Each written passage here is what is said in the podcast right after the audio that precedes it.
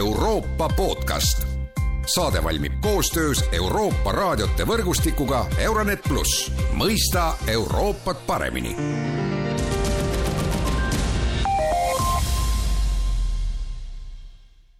tere taas kuulama Euroopa podcasti, jõuludele läheme vastu paraku jätkuva Ukraina sõjaga, kuid nüüd on hakanud läänemaailm üha enam mõtlema, kuidas tuua see sõda Venemaale nii-öelda koju kätte. Sellest ja paljust muustki on täna Lõuna-Eestis telefonitsi kõnelemas julgeolekuekspert Erkki Koort, tere päevast!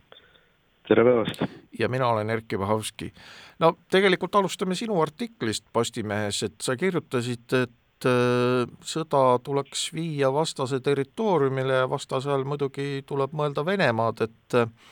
et äh, tundub, et äh, see mõte ei ole ju väga originaalne, et sellest on ju räägitud päris kaua, aga, aga nüüd just praegusel ajahetkel, kui Venemaa pommitab Ukraina tsiviiltaristut, on hakatud sellest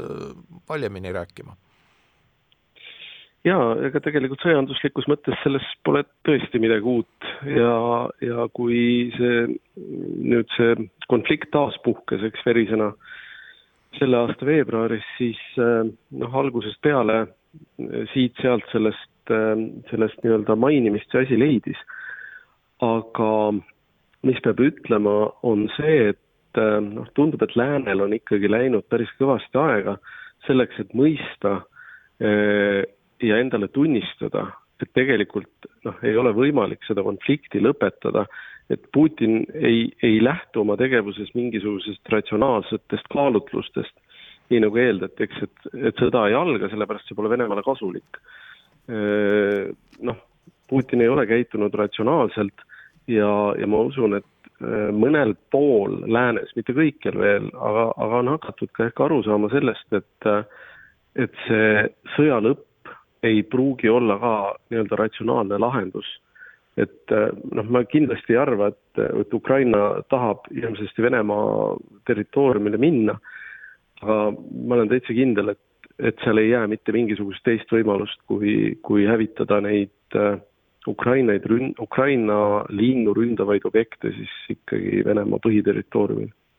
No ma mängin nüüd natuke sellist saatana advokaati ja, ja, ja katsun tuua neid vastuargumente sellele, et ma meenutan, et ajaloost, kui Saksamaa kaotas Esimese maailmasõja, siis tegelikult Saksamaa territooriumil ei olnud võõrvägesid, vaid need väed olid ju tegelikult Prantsusmaal ja, ja noh, Venemaal ka natuke, et äh, mis sa selle peale ütled, et noh, et sõja lõppemiseks ei pea ilmtingimata siis öö, äh, olema oma vägedega siis vastase territooriumil? jaa, ütleme niimoodi, et äh, siis peab olema mingi sisemine surve piisavalt tugev ja noh, Saksamaal see sisemine surve tekkis. Venemaal ei paista seda täna kuskilt poolt tekkivat. Noh, ütleme niimoodi, et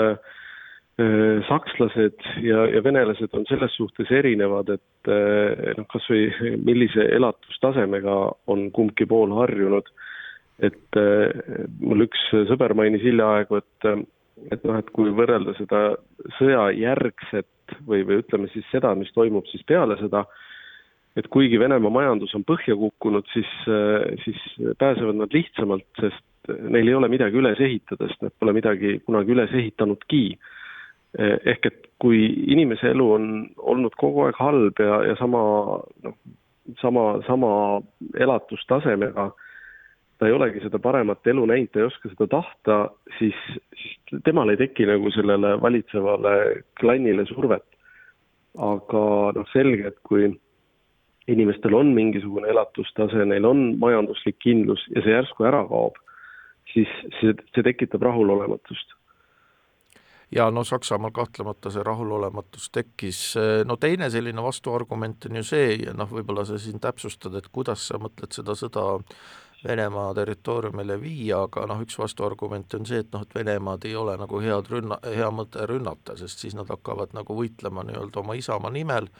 see nii-öelda see rahvuslik vastupanu tahe kogub hoogu ja, ja noh, tuleb meelde, eks ole, kõik see Napoleoni sõjakäik Moskvas ja Hitleri sõjakäik Venemaale et, et see tegelikult annaks ju võib-olla Venemaale sellist hoogu juurde, kui nii peaks minema. eks ta kindlasti annab, ega, ega Venemaa on ju teinud tegelikult päris palju kampaaniat ka praegu juba selleks, et, et mõelda ka nagu kuidas ma siis ütlen, järgmiste sõdade peale, et, et Venemaal äh, algas päris massiivne abordivastane kampaania näiteks, et äh, et äh, mille idee on siis selles, et, et äh, noh, loode ütleb, et kaitse mind selleks, et mina saaksin tulevikus kaitsta sind. ehk et, ehk et seda, seda nagu Venemaa valmistub ka järgmisteks sõdadeks juba ja, ja mõtleb, kust selleks ressurssi saada. tõsi, Teise maailmasõja ajal Venemaa jäi püsti ikkagi tänu lääne abile. Äh,, ainult lääne abile, et äh, ilma selleta oleks ta ikkagi suhteliselt põhja kukkunud. Tõsi, äh, iga, igas riigis see äh, rahvuslik äh, siis partisani liikumine või vastupanu liikumine suure tõenäosusega tekib ja Venemaal kindlasti tekiks, aga küsimus ei ole selles, et Ukraina peaks kuidagi okupeerima Venemaa territooriumi. Sellepärast, et ma usun, et Ukrainal ei ole ka mingit huvi seda teha, Ukraina ei ole impeerium ja, ja ei, ei soovi seda, küll aga on see, et Venemaa territooriumil asuvate sõjaliste sihtmärkide purustamine ja, ja, ja samamoodi ka nende asutuste eh, purustamine, mis, mis on otseselt seotud okupatsiooniga, et eh, Rosgvardia ehk, Vene rahvuskaart, eh, siis FSB, siseväed, et, et selles suhtes, et nende objektide ründamine noh, on, on möödapääsmatu, vastasel juhul ei ole võimalik seda, seda sõja kulgu muuta ja kui isegi tekib mingisugune patriootlik puhang Venemaal, siis äh, noh, me näeme täna ju, mis äh, seisus on Vene relvad. See patriootlik puhang ei too neid juurde, kindlasti kohe mitte. no sa kirjutad oma artiklis ka, et tegelikult see mõte, et sõjategevus tuleks viia vastase territooriumile, tuleks sisse kirjutada ka Eesti julgeolekupoliitika alustesse, et kui reaalseks sa seda pead, et see võiks lähiajal juhtuda see on päris hea küsimus, ma väga loodan, et see juhtub, aga mul ei ole noh, lõpuni veendumust, et, et me ise Eestis oleme selleks täna veel valmis, selle, selleks mõtteviisiks. Samas noh, julgeolekupoliitika alused, mille koostamisega ma olen ka ise kokku puutunud, aga, aga noh, see tekst on ikkagi lõpuks mingisugune kompromiss asjadest, mis, mis välja, välja siis käiakse noh, varasemalt, varasemates siis mitte nüüd viimases, aga, aga varasemates julgeolekupoliitika alustes on tegelikult sätestatud, et et Eesti toetub kollektiivkaitsele ja iseseisvale ka kaitsevõimele. nüüd viimases julgeolekupoliitika aluste dokumendis on, on juba kirjutatud, et Eesti to-, eh, hakkab vastu ükskõik ülekaalukale vastasele, toetub iseseisvale kaitsevõimele ja kollektiivsele kaitsele, ehk et see mõtteviis on juba teistpidi pööratud. Äh, ma, ma arvan, et äh, igal juhul on, on mõistlik see sisse kirjutada ja, ja seal ei ole mingit, sealt ei saa välja lugeda mitte mingisuguseid imperialistlikke või, või selliseid äh, siis äh, noh, ütleme nii, et teise riigi vastase, teise riigi territooriumi vastaseid nõudmisi. aga minu arvates on see nagu hädavajalik, sest, sest väike riik suudab ikkagi suurt vastast mõjutada ainult siis, kui ta suudab teda üllatada, et, et me ei suuda pidada Venemaaga kunagi selliseid tankilahinguid, suuri tankilahinguid, isegi kui meil on kaks tankipataljoni tulevikus.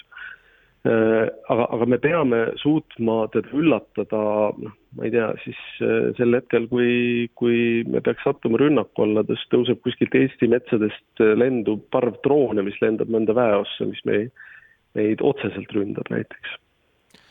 Ja noh, tegelikult tuleme siis korraga lääne juurde, et noh, läänes tegelikult ehkki ollakse väga ettevaatlikud, siiski ei vaadata nüüd enam ja mööda sellest võimalusest, et et löögid Venemaa territooriumile ja noh, siis just eh, sõjaväe varustusele ja relvadele ja nii edasi, oleks äh, midagi sellist, mida ei saa nagu, millest ei saa nagu üldse mõelda, vaid nüüd, nüüd arvatakse, et et võib-olla võiks sellele ka siiski tähelepanu pöörata. samas, eks ole, NATO peasekretär Jens Stoltenberg ütles hiljuti, et et äh, sõda võib ka laieneda, noh, kuidas sa seda kommenteerid, et ollakse nagu sellise nagu kahe heinakuhja vahel? Jaa, noh, ütleme niimoodi, et tegelikult hästi kriitiline hetk sõja laienemisega oli, kui Poola kukkus rakett, mis hiljem siis omistati vähemalt Ukraina õhutõrjele. Noh, neid rakette on kukkunud ka Moldovasse, mis ei ole NATO liige, tõsi, seal ei saanud ka kedagi surma, aga, aga noh, varem või hiljem selliste sõja nii-öelda piirnevates riikides midagi samaväärset juhtub eh, ja juhtub hullemat, kui juhtus Poolas. samamoodi Venemaa täna hommikul üks teatas, et eh, kui peaksid tulema Ukrainasse ameeriklaste opereeritavad Patriot raketid, siis need on legitiimsed sihtmärgid. noh, mida muud ta saabki öelda, iseküsimus on see, et kas ta suudab neid sihtmärke tabada. sest noh, praeguseni on, on näha, et ikkagi õhutõrje sihtmärkide hävitada või õhutõrje jah, sihtmärke ta hävitada ei suuda. et, et selles suhtes jah, muidugi see, see reaalne võimalus konflikti laienemiseks on olemas, aga ma meenutan, et, et tegelikult Venemaa retoorika ju eelmine aasta algas sellest, et Venemaa tahab saada julgeolekugarantiisid ja NATO väed peavad minema tagasi siis üheksakümne seitsmenda aasta joonele. ehk et Poolast välja nii-öelda Ungari, Tšehhi äh, rääkimata Balti riikidest ja, ja Rumeeniast, Bulgaariast. nii et selles suhtes äh, Venemaa oma retoorikas, äh, noh, ma ütleks nii, et ta ei saagi midagi muud öelda, aga noh, fakt on see, et äh, konflikti laienemise oht noh, ei, ei ole olematu, kindlasti mitte. Meedia ja meiegi meedia on väga palju spekuleerinud selle uudise üle, et Vene president Vladimir Putin jätab ära iga-aastase aastalõpu pressikonverentsi ja noh, katsume siis spekuleerida, et mida see siis võiks tähendada, kas, kas Putini tervis on halb või on tema võimubaas tõesti nii kitsas juba, et ta ei taha sellist pressikonverentsi korraldada, kus ikkagi võidakse esitada mõni selline ebamugav küsimus, mis äh, väljub sellest nii-öelda kontrollitud inforuumist, et mis, mis sa arvad, miks, miks Putin seda teeb? Ütleme niimoodi, et eks neid spekulatsioone on erinevaid, eks. mina tooks siia juurde selle, et, et noh, Putin on seitsekümmend ja seitsmekümneaastasele inimesele eh, pidevalt tegeleda sõdimisega kindlasti ei ole mitte vähekurnav. See on selge, et kui ta on tegelenud ise mingite sõjaliste otsuste langetamisega, see, see nõuab tähelepanu see nõuab fokusseerimist ja, ja noh, põhjus võib olla lihtsalt selles, et ta ei, ta ei jõuaks seda maratoni selliselt teha. et varem äh, ilma sellise äh, pidevate nõupidamiste surveta, noh ikkagi sõda on selline kriisihetk, kus äh, tahes-tahtmata sa pead pidevalt olema mentaalselt kohal ja, ja seal võib olla lihtsalt väga lihtne põhjus, et ta, ta ei jõuaks lihtsalt äh, puhtfüüsiliselt seda selliselt välja kanda. ja, ja, ja noh, ütleme sellist tunniajalist ei hakata tegema ja, ja selliseid maratone lihtsalt tervise tõttu tulenevalt ka vanusest ta ei pruugi vastu pidada ja kas sa tahad siis äh, aasta lõpuks öelda ka midagi sellist, äh, tahad natuke spekuleerida, millal see sõda võiks läbi saada, sest ma meenutan, et äh, varsti me oleme juba lähedal sellele, et sõda on juba aasta otsa kestnud ja praegu küll vist ei näe kuskilt mingit märki selle kohta, et, et kahekümne neljandaks veebruariks kaks tuhat kakskümmend kolm see sõda otsa saab. jah kui tohib öelda jõulusoovi, siis see sõda võiks kohe läbi saada, loomulikult. aga, aga noh, reaalsusest rääkides, äh, kui see sõda kahekümne neljandal veebruaril taas puhkes või, või kuumaks läks, siis, siis ma kirjutasin ühe artikli, et selle sõja lõpetab vaid Putini surm. ja, ja ma jään jätkuvalt selle juurde, et, et ma ei usu, et Putin lõpetab seda sõda ise ma arvan, et ta on valmis saatma viimase, viimase Vene sõduri surema Ukrainasse ja viimase tanki Ukraina vastu, jättes äh, tegelikult riigi kaitseta muus osas, siis äh, ma, ma, ma nagu ei näe võimalust, et see vahkvihaadas kuidagi lahtuks. ehk et ühesõnaga, mina, mina arvan, et, et lahendus, lahendus on ainult Putini surm, kui see sõda lõpeb või, äh, või siis on mingi, mingi väga ettenägematu sündmus, mida, mida ma ei oska isegi prognoosida, et äh, aga, aga ma arvan, et järgmine aasta me kindlasti aasta esimeses pooles äh, näeme selliseid arenguid, mis ütleb meile, kuna sõda lõpeb, ehk ma arvan, et jaanuari-veebruarikuus on, on suhteliselt selge, et, et mis, mis saab järgmise aasta lõpuks aitäh, Erkki Koort, selline oli tänane Euroopa podcast, kõike head ja kuulmiseni!